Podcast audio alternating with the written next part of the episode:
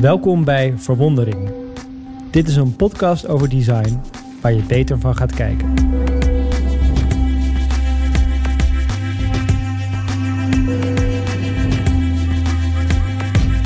Elke aflevering spreekt Harold Dunning met andere ontwerpers en creatieve ondernemers over de impact van hun werk. Samen verkennen zij wat een ontwerp goed maakt. Want, gelooft Harold, door samen beter te kijken ga je meer zien. Harold ken je wellicht als oprichter van designbureau Monkai of als medeoprichter van De Correspondent. En als creative director is hij gefascineerd door veelzijdigheid en door verhalen die oproepen tot verandering. Bovendien is Verwondering misschien wel de meest visuele podcast ter wereld. Alles wat Harold en zijn gast bespreken kun je namelijk ook zien. Ga daarvoor naar verwondering.com.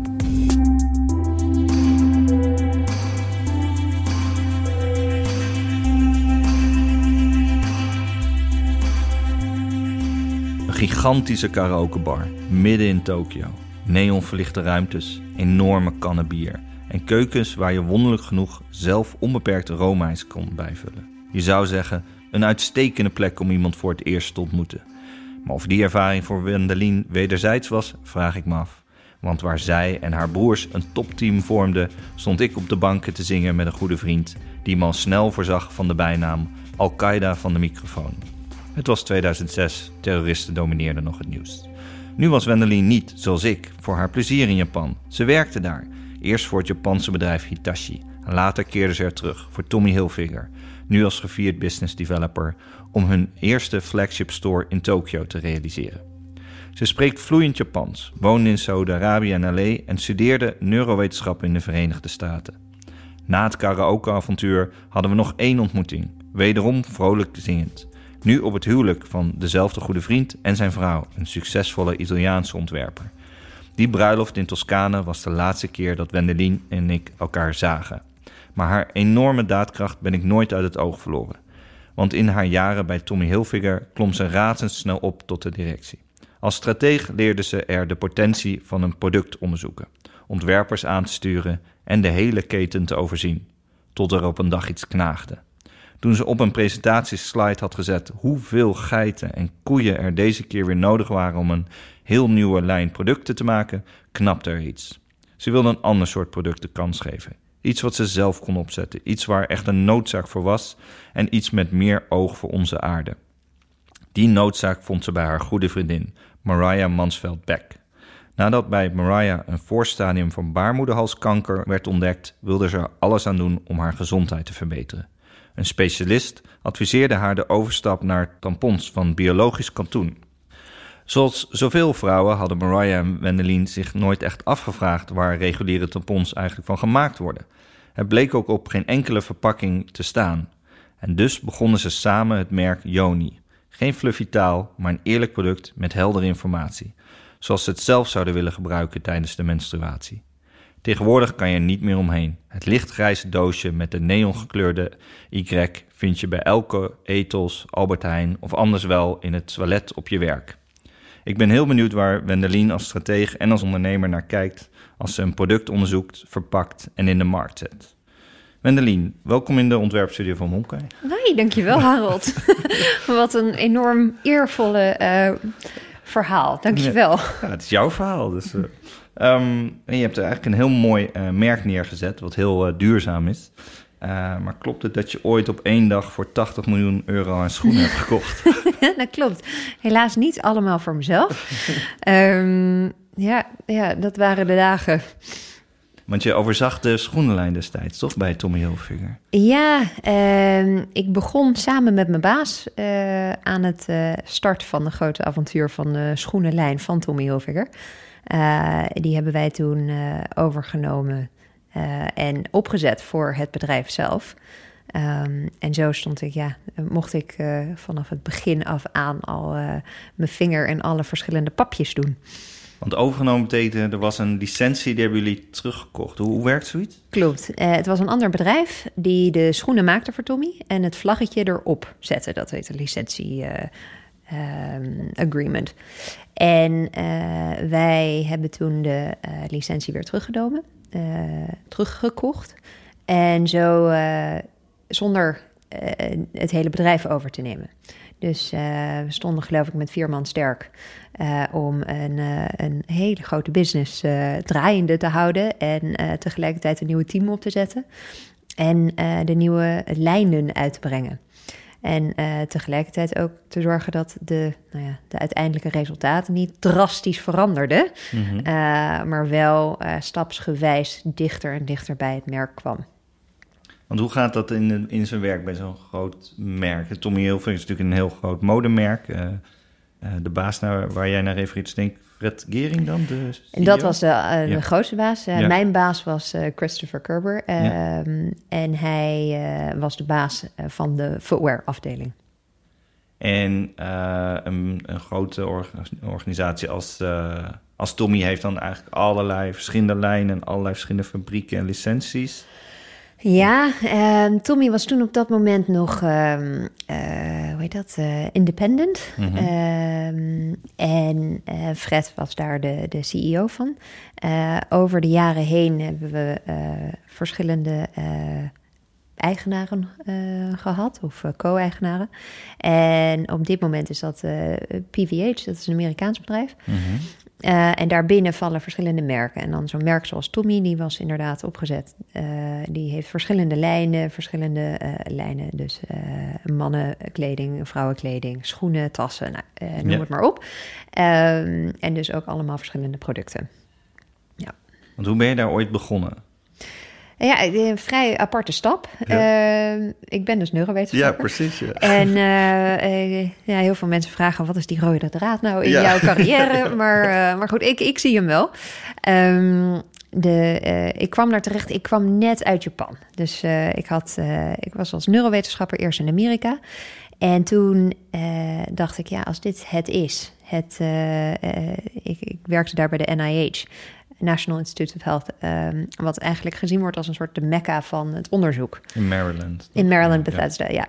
Uh, en dat was fantastisch, maar ik vond het het allerleukste om, uh, om de onderzoeken op te zetten voor anderen. Uh, niet zozeer het, het uiteindelijke resultaat was niet mijn, uh, nou ja, mijn beweegreden voor dat. Of dat je ergens in een kelder zit. Ik zat ergens in een kelder, precies, naar de hersengolven te kijken van iemand die daar uh, plaatjes aan het kijken was. Ja. En uh, hoewel ik daar ontzettend veel van heb geleerd en een hele leuke tijd heb gehad, dacht ik, ja, dit, dit zie ik mezelf niet doen voor 20, 40, 80 jaar. Ja. Um, dus heb ik, ben ik naar Japan gegaan, heb ik daar Japans geleerd en voor een Japans bedrijf ben ik gaan werken. En toen eenmaal uh, terug, want dat was een, voor een, gezette tijd. Dus er was, er was geen verlenging mogelijk. Uh, had ik overigens ook niet gedaan, denk ik, voor het bedrijf. Uh, maar toen kwam ik terug in Amsterdam. Ja, en dan ben je neurowetenschapper die Japans kan. Oké. Okay. Ja, nou, gelukkig vond ik ja. iemand die op zoek was naar een, um, een persoon die een marktonderzoek kon doen mm -hmm. voor ondergoed. Ik dacht, ja, marktonderzoek, dat kan ik als geen ander. Dus uh, laat me het maar doen. En zo heb ik uh, een paar weken lang in een, uh, in een soort klein hokje... midden in een vloer van allemaal designers gezeten. Tussen de, de ondergoed. En heb ik voor hun een marktonderzoek gedaan om te kijken hoe... en dit was bij Tommy Hilfiger onder andere... um, hoe, hoe uh, ja, uh, hoe groot was de kans dat, we, uh, dat Tommy een goede ondergoedlijn kon, kon lanceren zelf, in plaats van als licentie. Ja. En dat heb ik toen gedaan. En waarna ze als of, ze hebben dat productgroep zelf opgezet. En waarna mijn baas de vraag stelde: kan je dit misschien ook voor andere dingen doen? Ja. Nou, vol plezier zei ik ja. Want uh, hoe leuk was het dat ik iets wat ik heel goed kon doen voor een, uh, voor een soort commercieel bedrijf kon gaan doen met heel veel jonge mensen in een internationale omgeving. En, uh, en dat het ook gebruikt ging worden en meteen in gang werd gezet. Dus ehm, ja, zo is het eigenlijk een beetje ontstaan. Um, want uh, wat misschien niet iedereen weet, uh, Tommy Hilfiger is een uh, groot Amerikaans bedrijf, maar het hoofdkantoor oh, ja. zit hier in Amsterdam. Ja, toch? ja, dus het hoofdkantoor van Tommy Hilfiger zit, zit in Amsterdam. Ja, het is nu inmiddels is het moederbedrijf, het hoofdkantoor zit in Amerika, maar het ja. hoofdkantoor van Tommy Hilfiger als merk zit hier in Amsterdam. Ja. Want het moederbedrijf is dan PVH? het moederbedrijf is PVH. Ja, ja en die, die heeft merken zoals Tommy Hilfiger, maar nu ook Calvin, of, en ook Calvin Klein. Ja.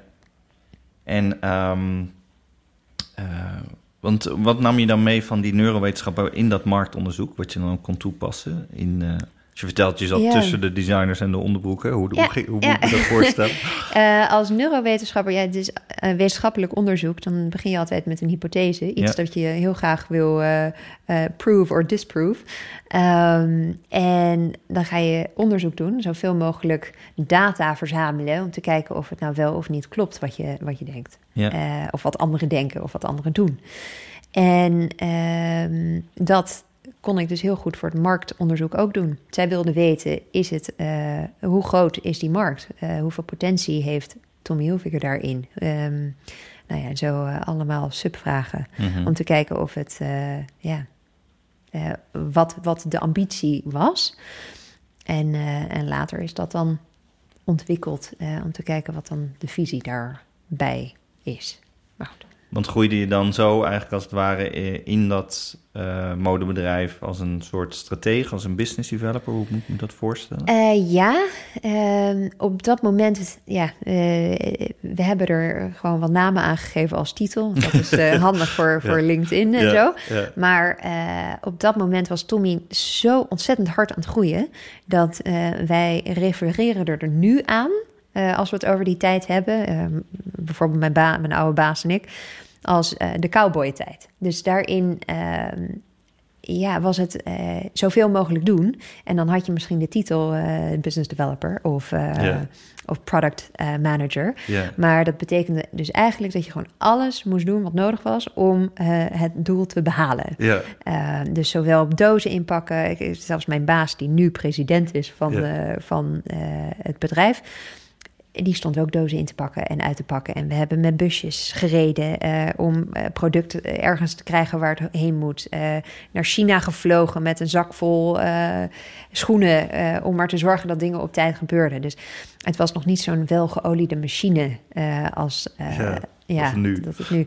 Ja, dat is natuurlijk inherent aan bedrijven die groeien uit uiteindelijk tot grote corporates. Want ja. hoe groter een bedrijf en hoe meer mensen nodig zijn, hoe ja, meer van belang het is dat er uh, hokjes zijn of ja. uh, waar je goed in past. En uh, op dat moment was dat er niet. Dus je kon alle kanten op. Ik denk dat een van jouw talenten volgens mij ook wel echt strategie is. En ik vind dat altijd echt een wezenlijk onderdeel van design. dus ja. daarmee bepaal je eigenlijk de doelen van de onderneming. En, Ja, ik vind het soms, al, soms een soms vinden mensen het een beetje een wazige term. Ja, dat vind ik, ja. Uh, en voor mij is het glashelder. Ja, precies.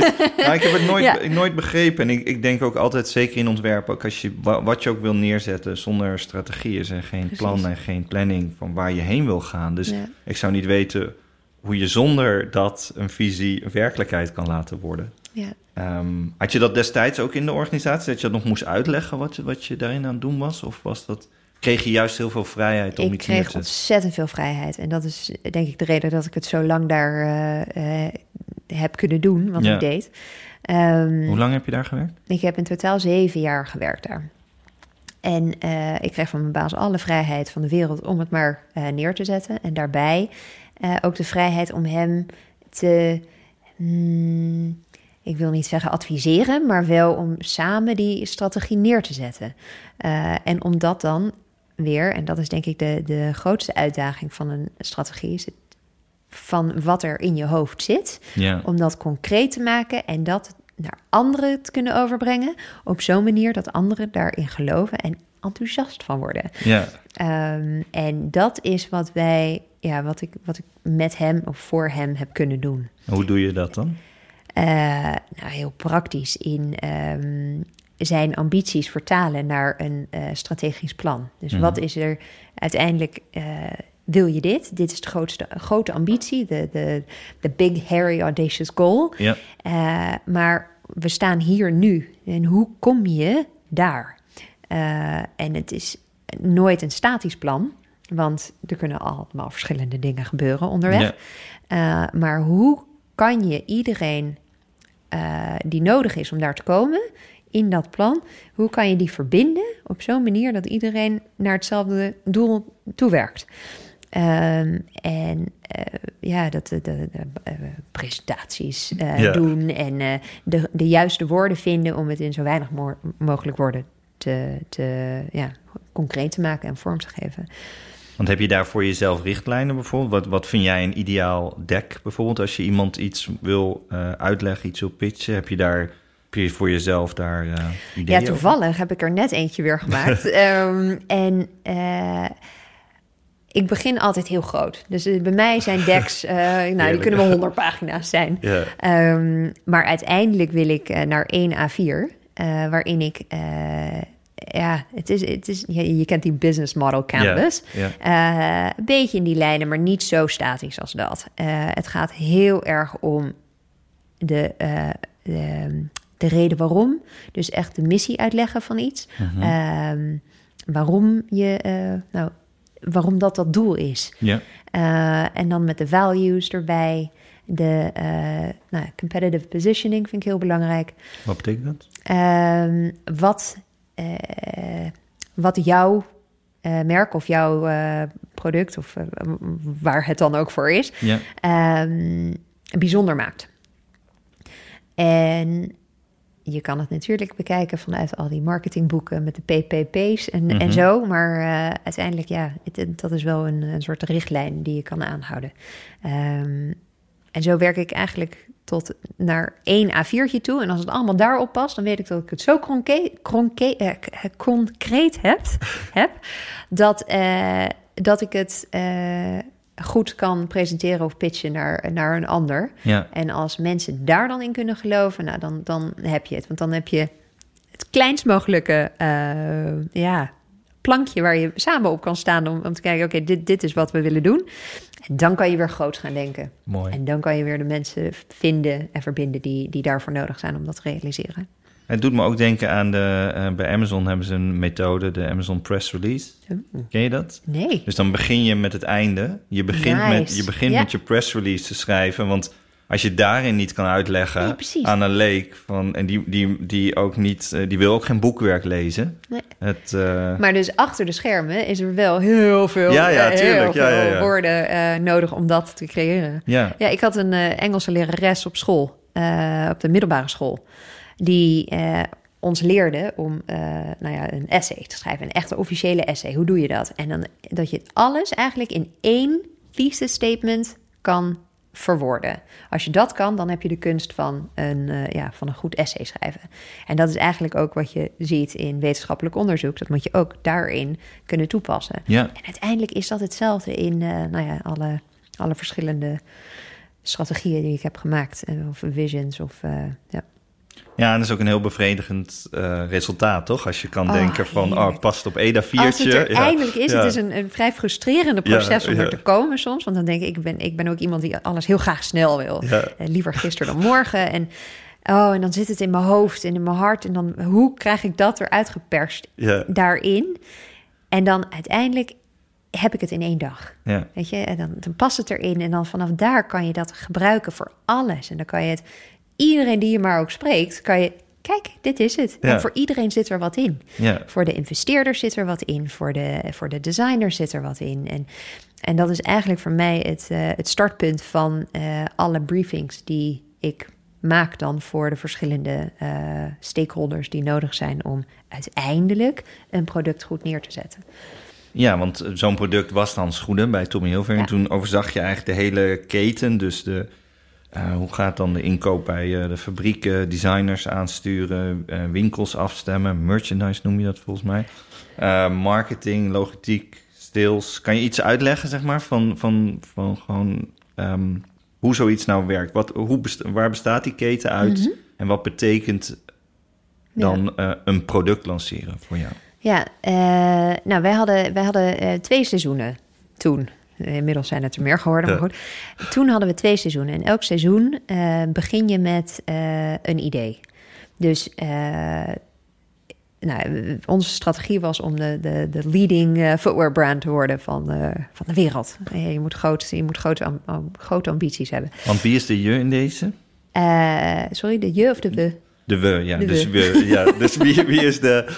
wie, je omschreef net Sorry. een kerngroepje van vier. ehm, Ja, ehm, het is heel snel veranderd. Dus we Ja. begonnen met vier en uiteindelijk waren we met, ik denk, 50 toen ik wegging. Ehm, en eh, toen in het prille, prille begin, zo heb ik eh, zo'n hele lijn eh, ehm, ja, eh, geleerd ja. om dat te doen. Want ik, ik wist natuurlijk niks van schoenen en Ja. ook niks van... eh, Hoe oud was je eigenlijk toen? Oeh, goede vraag. Eh, ik denk dat ik eh 6 of 27 was. Oké. 27, ja. En het was echt gewoon vol, vol on. Hè? Ik, eh, het was absoluut niet eh, ja, glamour of iets. Nee, ik nee. We zaten in een hele stoffige kantoor. Ehm, en met heel veel dozen om ons heen.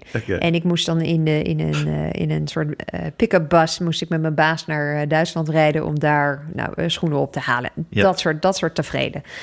Maar wat er moest gebeuren is...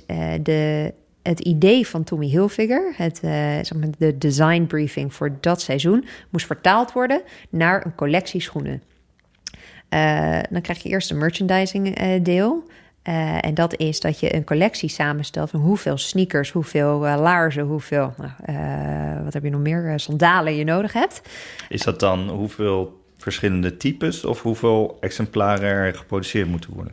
Nee, hoeveel verschillende typen eh, sandalen voor de vrouwen. Eh, dus eh, vier verschillende stijlen. Oh, zo, ja. En dan in acht verschillende kleuren, ieder.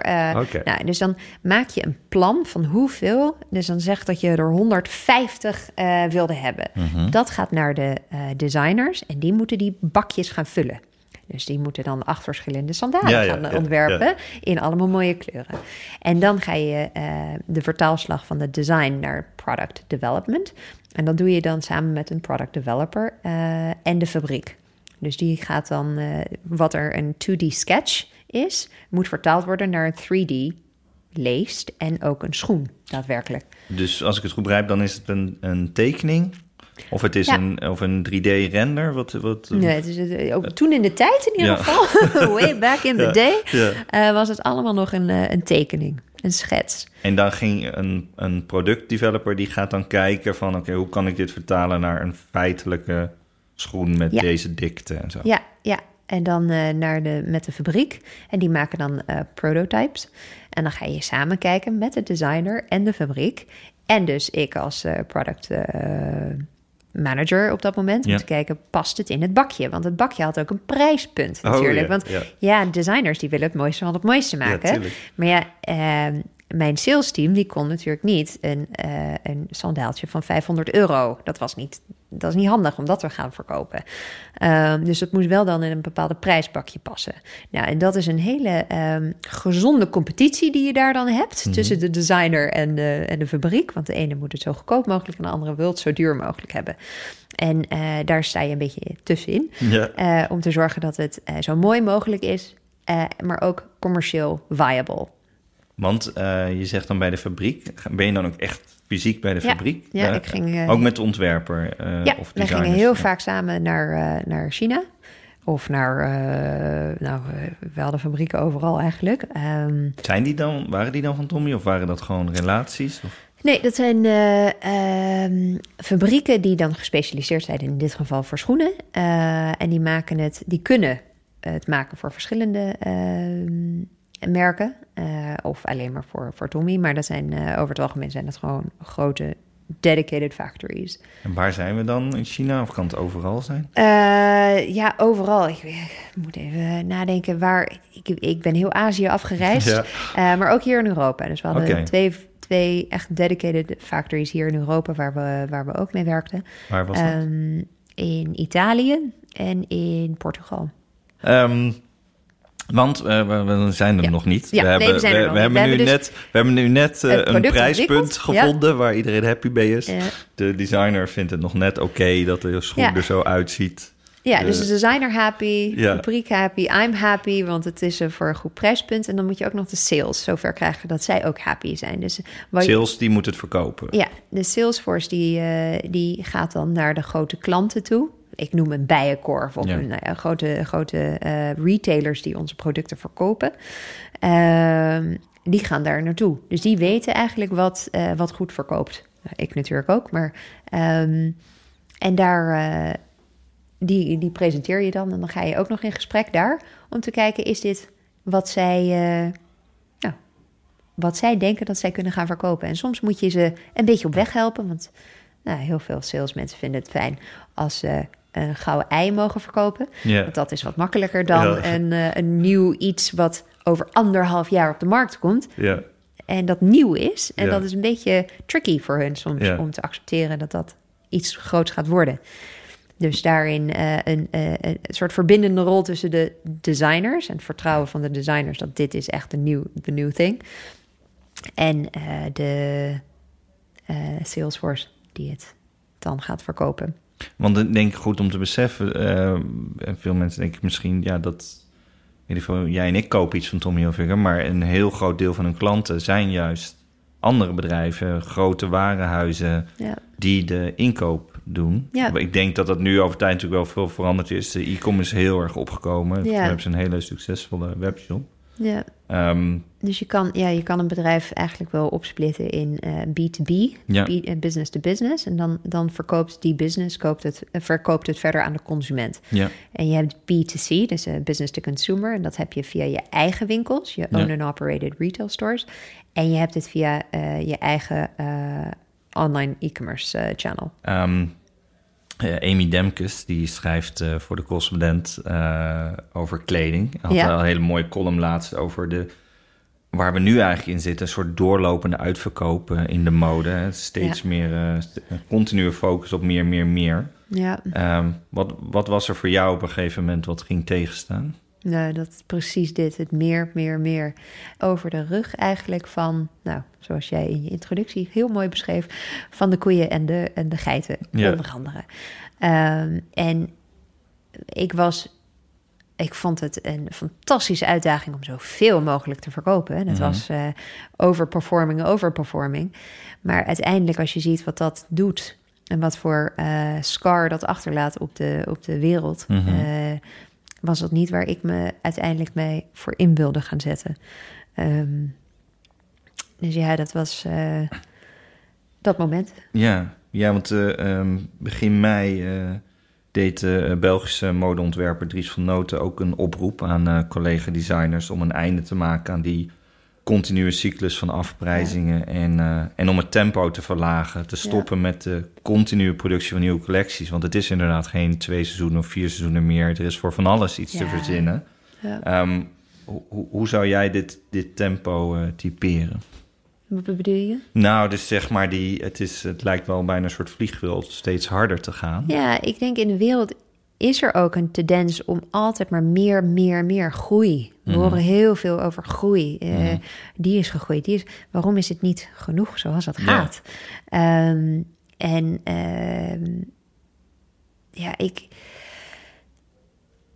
ik, ik, geloof, ik geloof er gewoon niet in. En je was gewoon moe van op een gegeven moment, zeg maar. Dat het tegen. Want dit is nu. Ik ben nu heel blij dat Dries van Noten dat doet. En het komt ook door de Ja. coronacrisis. Hè? Dat, eh, dat is een hele interessante website die. eh, eh, van een Human Rights Organisatie. Die laat zien. ehm, hoe de mode-industrie nu omgaat met de inkoop. En dat Mhm. volgens mij alleen in eh, Bangladesh al 2,5 miljard aan zaken die, die gewoon besteld zijn. En maar niet afgenomen. Niet afgenomen Nee. en niet betaald worden. Ehm, en dat je eigenlijk in alles merkt, nou ja, je hebt dat al veel eerder eh, Mm. voor jezelf bepaald dat dit geen houdbare Nee. eh, cyclus is. Nee, ik vind het heel mooi dat, dit, eh, dat veel mensen dit hebben. eh, deze inzicht, of dit inzicht. Ehm, en dat er steeds meer initiatives zijn die eh, meer in de circular wereld gaan zitten. Wat Van dat?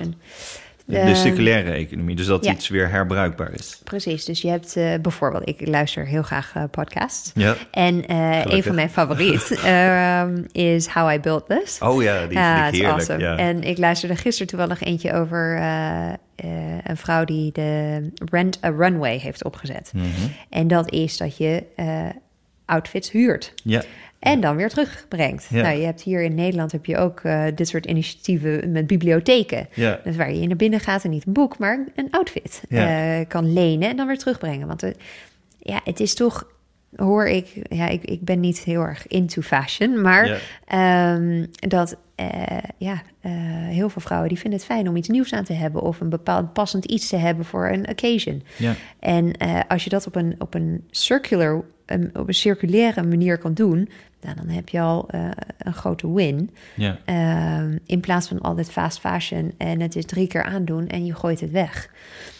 Ja, ja, dat vond ik ook fascinerend. Want eigenlijk met die opkomst van de, van de eh, uitverkoop. In Nederland Ja. was de hele tijd verboden in 1984. Is het weer. eh, is het, toen hadden we ook een crisis. Mocht ineens, oké, doe maar wel gewoon uitverkoop. Ja, Ehm, toen mocht het weer. En dat mm, eh, al die winkels ontdekten dingen verkopen eigenlijk alleen nog maar beter in de uitverkoop. Dus als we nou iets slechter spul gewoon dan pushen. En op een gegeven moment ben je dus steeds minder kwaliteit aan het maken Ja. om maar gewoon die cyclus eh, ehm, aan de gang te hebben. Ehm, ja het is eh weet je, the dark side of commerciality. ja. Weet je, je vindt iets wat heel goed loopt, Ja. dus dan ga je dat steeds meer en meer en meer doen. En eh, op zich, in de basis vind ik daar niks mis mee, behalve als het iets of iemand pijn doet Ja. daarmee. En eh, in dit geval, in dit voorbeeld, is het dat je de wereld er pijn mee doet. ja. Ehm, en dus dan is het it's no longer a win-win situation. En Ja. dat is wel iets waar, waar ik als mens heel erg in geloof. Dat de juiste dingen zijn eh, win-win. Of het allerliefste win-win-win situations. ja dat, het, eh, dat je weet ook dat het moreel juist is. En dat het een eh, just cause is. Ja. Ehm, Maar helaas in heel veel industrieën eh, en bij heel veel mensen ontbreekt een moral compass. ja. En dat is... Ja, ja of, of het is, het is amoreel. Dus op het werk kan je het achterlaten wat je, waar je thuis misschien wel je keuzes op maakt. Mijn werk ben ik alleen maar bezig met winst. En Ja. zo, eh, daar heeft Ja. Joris Luijendijk natuurlijk mooi over geschreven. Ook Ja. over de bankenindustrie. Ehm, ik zou trouwens die, eh, die website over de human rights eh, situatie binnen mode ook in de gallery delen op verwondering.com. Dan kunnen mensen het ook zien. want dat is in principe houden ze live die data bij. En dan zie je eigenlijk nou, helaas ook het probleem steeds groter worden. ja. Ja. omdat het in principe natuurlijk... eh, het is heel normaal om iets neer te willen zetten... en dat te willen laten groeien. Eh, ehm, ehm, maar... ehm, nou, we hebben zelf ooit, toen we de correspondent oprichten... is ook gewoon een, een for-profit company. Ja. eh, gewoon een, een bedrijf wat winst mag maken. Maar, maar niet oneindig winst. Het is met winstmaximalisatie. Dus er zit een cap op. En, en vanaf dan eh, gaat alles gewoon weer terug in de journalistiek. Dus op die manier weet je zeker dat wat je maakt... elke keer Wauw, gevoed blijft ja. worden om, ehm, om, om eh, eh, inhoud te brengen... in Ja. plaats van alleen maar winst te maken. Nou, en ik geloof er heel erg in dat een iets met een, zeg een, een for-profit of een commercieel doel, dat dat ook goeds kan doen. Ja, en waarschijnlijk zelfs duurzamer is, want het kan zijn eigen broek ophouden en eh, zijn eigen onderbroek ophouden. Ja. maar, ehm, want, ehm, eh, eh, oké, je had de geitjes en, de, en, Ja. de, en, en alle dieren in de slide gezet en dacht, dit, dit gaat zo niet langer. Ehm, kan je Ja, ons- ik, ja, ik dacht, dit is niet iets om trots op te zijn. Nee, Dit is niet iets, ja, precies, dit, dit doe ik niet langer. ja, het knaagde gewoon. Ja. En, ehm, maar hoe ontstond dan het idee met Mariah om in een totaal andere hoek Ja, nou, ik was, eh, ik, het knaagde. En eh, toen dacht ik, oké, maar wat, wat dan wel? Eh, wat is dat? Wat wil ik? Waar, ehm, nou, en zo was ik, I was doing some deep soul searching.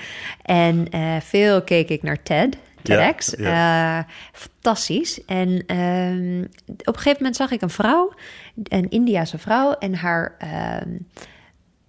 waanzinnige eh, verhaal over hoe zij vrouwen uit de eh, human trafficking of sexual trade eh bevrijden. Letterlijk bevrijden. Dus zij ging die brothels in, de Ja. nou, Hoerentent. hoerententen, in. En zij haalden die vrouwen die daar tegen hun zin in zaten, haalden zij er fysiek uit. Met politie, et cetera. Eh, ten koste van haar, van haar eigen eh, safe, eh, veiligheid. Ja. Maar zij deed een beroep op mensen om te vragen... want dat was in de tijd dat er een grote dip was in donaties. Want zij was volledig afhankelijk van de donaties van anderen. Mhm. En ze zei, hoe kan ik dit anders doen? En toen dacht ik, hé, wacht eens even, hier zit echt wat in. Want ehm, zij heeft geld nodig, maar moet elke keer haar hand ophouden. Ja. En het is zo'n afhankelijke positie, dat wil je niet. Want als er dan iets misgaat, dan gaan die donaties, die, die, die geldkranen gaan dicht. ja. En dan kan je het niet meer doen, terwijl dat heel nodig werk is. Heel incidenteel ook natuurlijk, Precies. donaties. Ja, en ehm, dus zo kwam ik op eh, het idee van een business model eh, en doing good. Dus je, je, je maakt geld, Ja. fantastisch, want je verkoopt iets dat iemand anders graag wil hebben. Ja. Je maakt daar geld mee en daar doe je dan weer iets goeds mee. Mhm. Ehm, en nou, daar was ik mee aan het spelen. En toen popte ze als, als soort kool uit de grond. Dus eh, het was ja, leuk om te zien dat het allemaal eh, mogelijk was. Je had de one-for-one principle. En je had eh, bedrijven die een bepaald percentage van hun opbrengsten doneerden aan bepaalde organisaties, et cetera. En daar was ik mee aan het spelen. eh, en dat was wat ik wilde gaan doen. Mhm. En toen op een gegeven moment, eh Mariah, die was ook in een, eh, een hele goede vriendin van mij al eh 16 jaar. Ja. En ehm, zij kwam bij mij koffie drinken op een zondag, regenachtig, net zoals vandaag. En zij kwam zitten en zij was zo pissed off, want zij moest weer in de regen omfietsen om op, in een winkel eh, biologisch katoenen tampons te kunnen kopen. En ik dacht, hé, hey, oké, eh, eh, wat? Wat is dit? En toen legde ze uit dat ze ehm, een, door haar arts werd ge- geadviseerd om biologisch katoenen tampons te gebruiken. Omdat ze, ze wilde het niet verder irriteren. Dus zij ging omfietsen om biologisch katoenen tampons te kopen. En ze zei, Wend, het is echt belachelijk dat het moet. En ik dacht, nou, inderdaad. Ik was pist. Ik wist niet dat normale producten, zeg maar de no- normale of de reguliere tampons, maatverband en inlegkruisjes, dat die niet van katoen waren. Ik, ik flabbergasted. Dus we keken op de doosjes en ja hoor, het staat er niet op. Dus eh, uiteindelijk na heel veel research, heel veel bellen, eh, een soort eigen keuringsdienst voor waarde hebben we gespeeld. En kwamen we erachter dat eh, de meeste producten die op de schappen staan van synthetische stoffen zijn gemaakt. Eh, helemaal niet van katoen. Ehm, en eh, dat dit niet op de doosjes hoeft te staan. Dus de industrieën zijn niet, eh, die hoeven niet transparant te zijn. Wat gek is, omdat op alle doosjes van eten of eh, nou ja, de, noem het maar op, verzorgingsproducten, daar staat gewoon op wat erin zit. En er waren geen Europese regels hiervoor. Nee, dit valt onder een normaal, zeg maar een, een, een, ja, een, een product zoals een stoel. Op een stoel Maar dit is staat nog het ook steeds zo. Er Het is nog steeds Er zijn nog steeds geen Europese Ja. regels. Wauw. As far as I know, Ja. eh, zijn die regels nog niet eh, aangescherpt. Je ziet al wel dat de markt een beetje meer die kant op gaat. Dus we Ja. beginnen nu wel te zeggen met een katoenen bovenlaag of, of zoiets. ja. Maar toen wij hier, eh, hier mee begonnen... En het, Wanneer was dit? Ik geloof dat het zaadje was geplant in 2013. dit, Mhm. dit regenachtige dag was geloof ik in 2013. En toen in 2014 eh, hebben we gezegd... oké, we need to do this. Want we, we zijn gestopt toen... eh, of we, we gingen eerst marktonderzoek doen. Ja. Eh kijken, Uiteraard. eh, uiteraard. Eh, what's going on out Ja. there? En toen, ja, we dachten, oké, this needs to change. Dus maar hoe leuk was dat dan om voor jezelf dat te kunnen Oh, doen? Dat je nu een oh. keer voor jezelf... eh, Het was zo spannend. Ik zat huilend bij mijn baas om, eh, om te vertellen dat ik daar wegging. Want Ja. ik heb er echt, echt een hele goede tijd gehad. Maar dit was wel iets dat ik moest gaan doen. Ja. En, eh, eh, en opluchting. En een, die drive die ik had om al mijn tijd en energie in, eh, in, in, voor Tommy in te zetten... ha- had ik nu voor iets waar ik echt in geloofde. Nou, dat, dan, dan kan Ja. je nog harder rennen. Zeker, ja. Ehm, ja, ja. Daar weet ik alles van. De... Ja, Maar het heette helemaal niet eh Joni eerst. Het Nee. heette eh, Vip, Vip Organic. Vip Organic. Ja, ja, what a wonderful name. Ehm, ja. Wat, eh, wat maakte je dat je dat Ja. hebt veranderd? Nou, we, hebben, eh, we hadden verschillende working names. We uiteindelijk Oh, dachten je hebt we... meer gehad. Oh ja. XX. En nou ja, goed, Oké. noem het maar op. Gewoon anything to get Ja. started. En Ja. eh, Mariah en ik waren... We vonden elkaar zo in het ambitieuze eh, go, go, go mentality. En we konden gewoon niet wachten tot we, tot we konden gaan beginnen. Ehm, en die naam, ja, het, het stond een beetje in de weg. Kom op, nou, dan doen we het maar met dit. Feminine Intimate Products, top. Nou, niks meer aan doen en Ja. doorgaan. Door het, eh, We hadden ja, langwerpige doosjes Ja. gemaakt. We dachten, heel groot 100% oh ja, want dat, oh, ja, dat is 100% katoen. Dus eh, dat sta, laten we dan groter opstaan. En we hadden natuurlijk gekeken naar alle andere industrieën... die al wat verder waren in het hele... eh, ontwikkeling van goed product neerzetten. Ja. En je had die eh, chocola met hoeveel procent cacao erin zat. Ja, nou, ja. daar stand, Oh, dat een beetje dat? van Ja, af. En, eh, en eh, zo hebben we ook gekeken naar muesli-verpakkingen. Dus eh, we hadden een heel mooi kartonnen, kartonnen doos. Ja. Daarop dus met die mooie kleuren erop gedrukt. En we dachten, dit, dit, dit is Ja. het. Een soort eh, chocola meets muesli. En dan voor de tampons. Nou, fantastisch. Totdat we Wat mensen gingen misgaan? laten zien, weet je. We gingen ook, we hadden onze pitch bij de Albert Heijn, deden we met deze doosjes. Nou, die, Oh, echt? Ja, ja, gelukkig was het verhaal wel goed. Eh, en zeiden ze, nou, kom maar terug als jullie wat verder zijn. Ehm, maar toen we dit mensen lieten zien, dus dachten ze, ja, zijn het dan bruine tampons? Oh, ja, ja. Want de doosje zag Ja, er helemaal niet fris, hè? Het zag er Nee. natuurlijk kartoen, of, eh, kartonachtig uit. Ja. ja. Ja, dus eh, elke keer kwamen we toch met dat, hoe het eruit zag, kwamen we steeds meer tegen soort ja, blokkades. Eh, en wij geloven er gelukkig allebei in dat als dingen, eh if they're meant to be, dan, dan, dan gaat het. Weet je, dan, dan zit je in een soort natural flow. Literally. Ja, En toen kwamen jullie uiteindelijk uit bij eh, Tonic, een ontwerpbureau. ja. Ehm, gelukkig. Die volgens hun, als ik hun mag geloven, dat zeiden ze van dat jullie een heel heldere briefing hadden. Die zei dat elke vrouw het recht heeft te weten wat ze tussen haar benen stopt. Ja. Is dat ook echt zo gegaan? Ja, ja.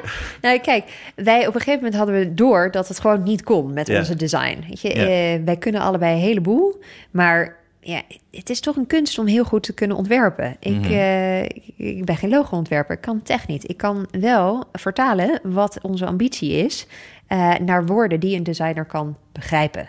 Ja. En we hebben daarbij hulp gehad, want op een gegeven moment heb je zoveel dat je wil. Ja. En het is voor jezelf zo helder en je hebt die ambitie om heel snel te gaan, maar dan struikel je over een bepaalde dingen. En zeker als je het voor het eerst doet. ja. Uh, dus toen hadden Mariah en ik de bold decision gemaakt. We gooien alles van tafel af. Alles. En toen hebben we eh, een, een vrouw eh, eh, gevraagd om ons te helpen met het kijken wat, wat blijft er dan plakken van ons idee en van eh, alle ideeën die we hadden eh, bij elkaar gehaald. Uh, het kind of, uh, wat we zeiden met de schoenen altijd: throw it up against the wall and see what sticks. Mhm. Ehm, en dat deden we. Nou, het, het, de missie bleef staan. Keihard staan. De, Mhm. ehm, de, de slogans, de, de, zeg maar, de, ja, de ambitie. Dat was allemaal glashelder. Mhm. Alleen eh, hoe het eruit zag, zag niet. Het was wel heel helder dat eh, ik wilde per se dat eh, het er goed uitzag. Ja. Eh, en dat het eh, uit zou staan op de schappen. Zowel in de eco-hoek, waar het op de schappen zou moeten komen staan, en in de reguliere hoek. Want eh, de ambitie was echt om, om dit product op alle reguliere schappen te krijgen, waar je Mhm. ook de synthetische variant kan vinden. Want een vrouw die gaat niet eh, actief op zoek naar welke tampons. Ja, In Mhm. ieder geval niet toen, misschien nu wel. Ehm, dus je moest, je moest iets hebben dat heel sprekend was, waardoor vrouwen uitgenodigd zouden worden om dieper te kijken Mhm. naar welke producten ze gebruikt tussen haar benen. Eh, op zo'n intieme plek, eh, eentje waar nooit over gesproken wordt. Of Mhm. in ieder geval toen zeker niet. Nu steeds meer en meer en meer.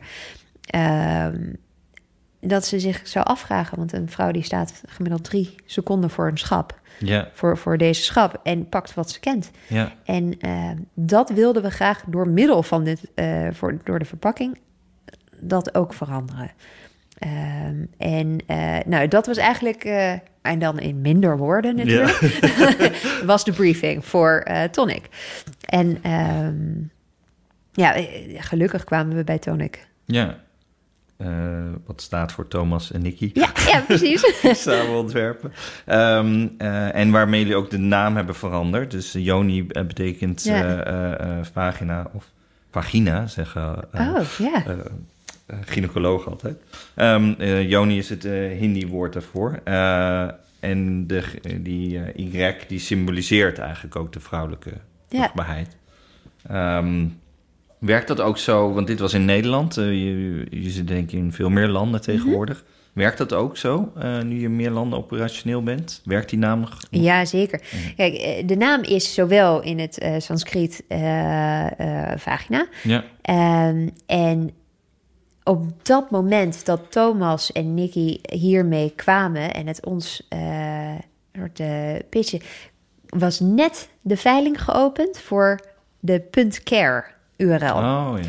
En toen nou, toen wisten we dat we echt... We, we, were there, weet je. Ja. Uh, Yoni.care is precies wat wij doen. De care for your Yoni. Maar tegelijkertijd is Yoni... en het, het is een prachtige vormgeving... Um, maar tegelijkertijd is Yoni ook een, een voornaam. Het is ook iets heel persoonlijks. En dat is wat wij ook willen, omdat het zo'n intiem onderwerp of een product is die je zo intiem gebruikt. En niet graag met iedereen uh, wil bespreken. Ja. ik inmiddels wel. Um, maar uh, had het ook een heel, ja, gaf het ook een persoonlijke twist. Ja. Of twist, een persoonlijk gevoel. Um, en ja, de vormgeving in het begin was het nog niet dit, hè? Nee. Was het nog steeds op dat bruine karton. Dat vonden ze wel mooi. Maar toen uiteindelijk uh, hebben we dit gedaan, omdat het toch. En dit is een, clean. ja, en we kijken naar een grijs doosje. Ja. Met verschillende tinten grijs, een hele grote Y. Y in, um, uh, in, in, in neonkleur of in groen of in paars. Ja. En ja, eigenlijk heel helder. Kopie is heel belangrijk. Heel belangrijk. Ja, maar de kleuren ook. Ja. Want ik geloof in een van de eerste briefings was... of niet een briefing, maar een van de eerste terugkoppelingen... waren er andere kleuren. En toen, het, het, het kwam net, net niet Weet je, de, de, de vormgeving was er, de naam was er. En toen hebben we heel lang gedaan over kleuren. ja? En, um, Tot wat er popt of wat er blijft hangen. Of, ja, of hoe kijk, je geel wil je niet gebruiken. Oh ja, oké. ja. Nou, eh, dat soort dingen. Dus uh, heel veel viel af. En uh, ik geloof dat er een soort aubergine kleur was of zo het was het net, het deed het voor mij net niet. Mhm. Dus uh, toen heb ik mijn oude baas opgebeld. Heb gezegd, mag ik even in de kleurenstudio gaan zitten? Ik heb daar weer tussen de schoenen en de onderbroeken gezeten. En ik heb die uh, Pantone books oh, heb ik opengemaakt. En ik ben gewoon eens gaan kijken, wat, wat, welk kleur doet wat met me? Want, in... Tonen zijn de kleurenstandaarden, zeg maar, die ontwerpers gebruiken. Dus de PMS-kleuren. Hele boeken. En ik weet nog van, uh, van die, van die uh, briefings voor elk seizoen bij Tommy... dat ze de Pantone-kleuren voor dat seizoen gingen uh, bespreken en, en vastleggen. In het begin dacht ik echt, waar hebben jullie het over? Maar ik begrijp het, want je hebt honderdduizend verschillende groens. Ja. En nou, zo, zo wist ik dat kleur echt heel belangrijk was. En, um, ja, het is een heel intuïtief, heel gevoelsproces. Zeg maar. je, je voelt dat iets net de, de paars moet net iets dieper, maar hij moet niet te veel naar het rood neigen. En dan wordt ja. net iets afstandelijker. En, ja, en gelukkig ja, ik vind het heerlijk altijd. Ja? ja? ja, jullie hebben waarschijnlijk ja, boekje ik ben de hele tijd, ik mag heel vaak over kleuren en oh, heerlijk is dat. um, ja, ik had die boeken niet tot mijn beschikking. En ik ben wel naar Verwinkels gegaan om te kijken of ik die... Uh, oh, grappig, van die waaiers. Uh, en we waren natuurlijk een start-up, hè, dus we hadden geen geld. Dus ik kon niet de waaiers zelf. En Tonik had wel uh, de waaiers, maar dan net niet degene die ik zocht. Dus toen ben ik daarheen gegaan. En, uh, en ze hadden van die scheurdingetjes. Ah, van die boekjes met scheur. Nou, dus elke keer een swatch ervan afgescheurd. Mm Dat meegenomen in mijn kleine plastic foldertje. En toen dat met, uh, met Thomas en Nicky gaan bespreken met Mariah. Ja. En zo met z'n vieren zijn we toch uiteindelijk tot deze kleuren gekomen. ik ben er super blij om, omdat het, het, het scheelt wel. Ja. Uh, maar het is ergens... Is, ja, je wil er naar kijken. En uh, het was heel belangrijk voor mij dat het niet eruit zag als een tampon of maandverband doosje. Mhm. Het moest eruit zien als iets dat je wilde oppakken. Want ja, ja je wilt toch vrouwen zover krijgen om daarheen te gaan. En als je zegt, ja, dit zijn mooie tampons, ja, dan schrik je mensen best wel snel af. Toch? Want wat ook wel uh, fascinerend is, want je kan het doosje en de, de branding en je advertentie en zo best wel goed ontwerpen, maar het feitelijke product ontwerp je niet, nee, toch? Dat, is, dat is een, wat je inkoopt bij een fabriek. Ja, ja. Ja, dus het is uh, eigenlijk komt het erop neer. Uh, en, uh, nou ja, dat het product is niet nieuw. Ja. Maar de manier waarop het in de markt gezet wordt is nieuw. Dus voorheen was het alleen maar te krijgen bij echte eco-winkels. Ja. En eh, wat wij hebben gedaan is wij hebben het vertaald naar de mainstream supermarkt en drogisterijschappen.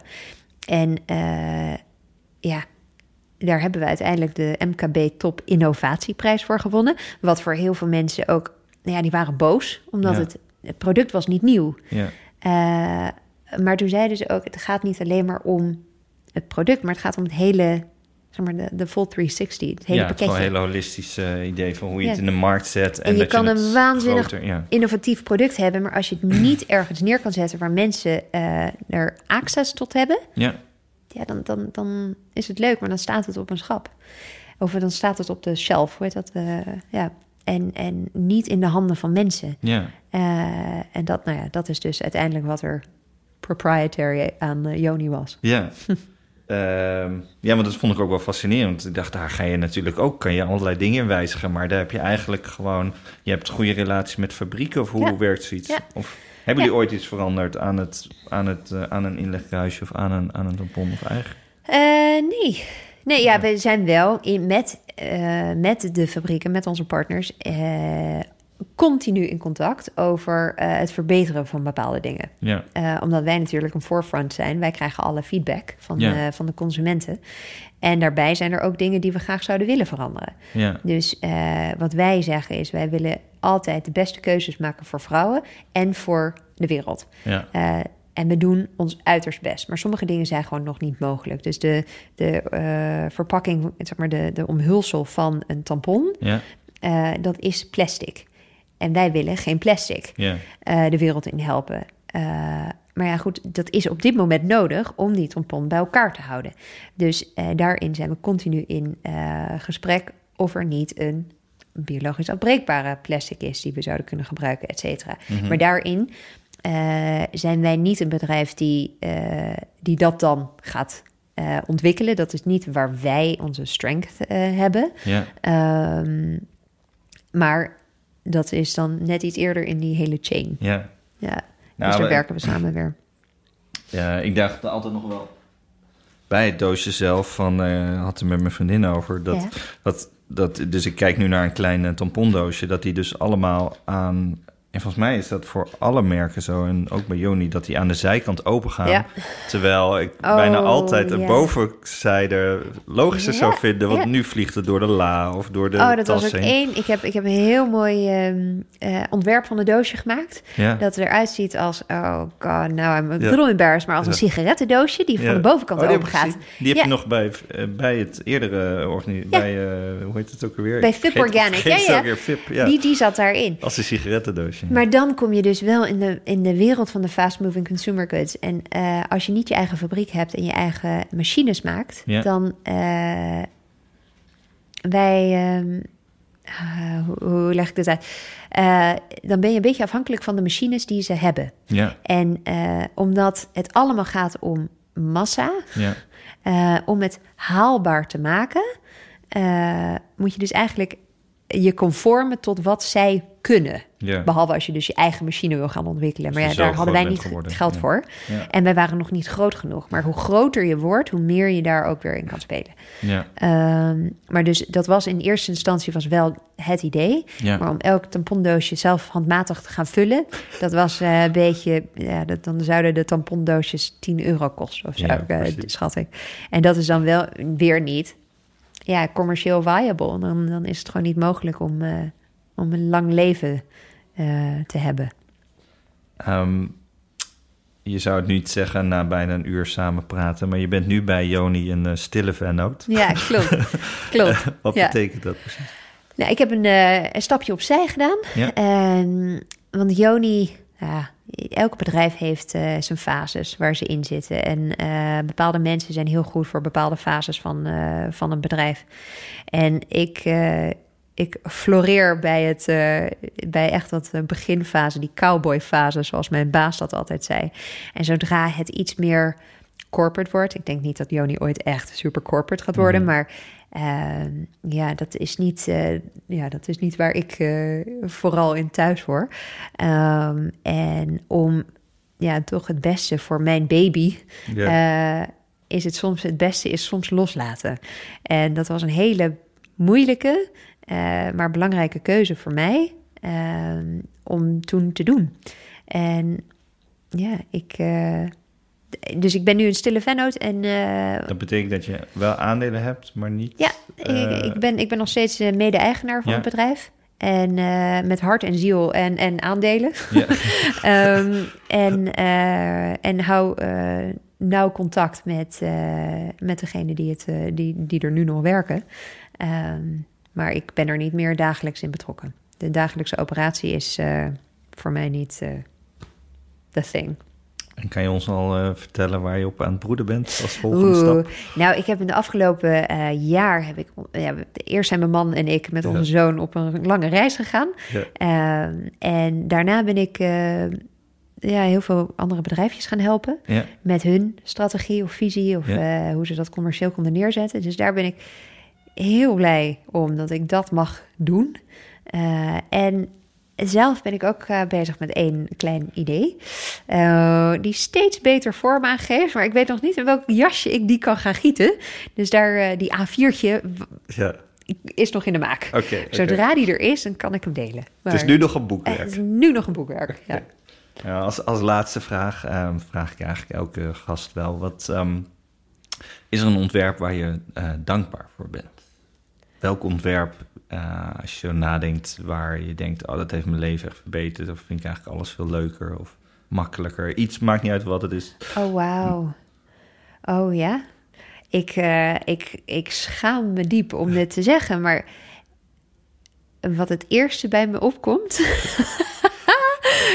oh, ja, nee, ik kan het eigenlijk niet zeggen. Als mijn man dit hoort, dan is het. ehm, De smiley. Smiley. Ja, I know. It's very unconventional. But ik, ik durf ook toe te geven dat mijn, eh, mijn favoriete eh, filmcategorie is een ro- romantische co- comedie. Dus Ja. ik ben eigenlijk best wel een simpel mens. Ja. Eh, en ik hou er gewoon van, van dingen that put a smile to your face. En dus die smiley, dat uiteindelijk evolved is naar alle emojis en dingen die Ja, je op ja, je ja. iPhone... Ja, ik hou van, die, van dat ontwerp. Het is simpel, but it does what it, what it needs to do. En ze gebruiken het zelfs bij bijvoorbeeld stoplichten... Ja. dat je zo'n smiley krijgt als je de goede eh, snelheid rijdt. En dat werkt zoveel beter dan je rijdt te hard... of eh, wat ze ook kunnen zeggen. Want het, heeft, het is een simpel design... maar het heeft daadwerkelijk een emotioneel respons bij de kijker. En ik denk, als je dat kan... Nou, dan pet je af hoor. Prachtig, ja. Het Sorry, het typeert je ook. Het is, ja, het is positief nudge eigenlijk. Ja. Hey, dat je positief mensen stuurt naar, eh, nou ja, in dit geval laat ze, laat ze vrolijk lachen. Nou, prachtig. Ik vind hem heel mooi. We stoppen de smiley. Want daar is ook een heel leuk verhaal over de ontwerper Oh, die nice. dat ooit opzetten. En eh, toen daarna helemaal gekaapt is door de house-industrie. Oh ja. Eh, dus, maar daar, daar ja. ga ik dat, die verstop ik wel in de gallery. Ehm nou, Wendelin, heel erg bedankt dat je hier was. Ik vond het heel gezellig. Ik vond het ook heel gezellig. Leuk om je weer te zien. Yes. Dank voor de uitnodiging.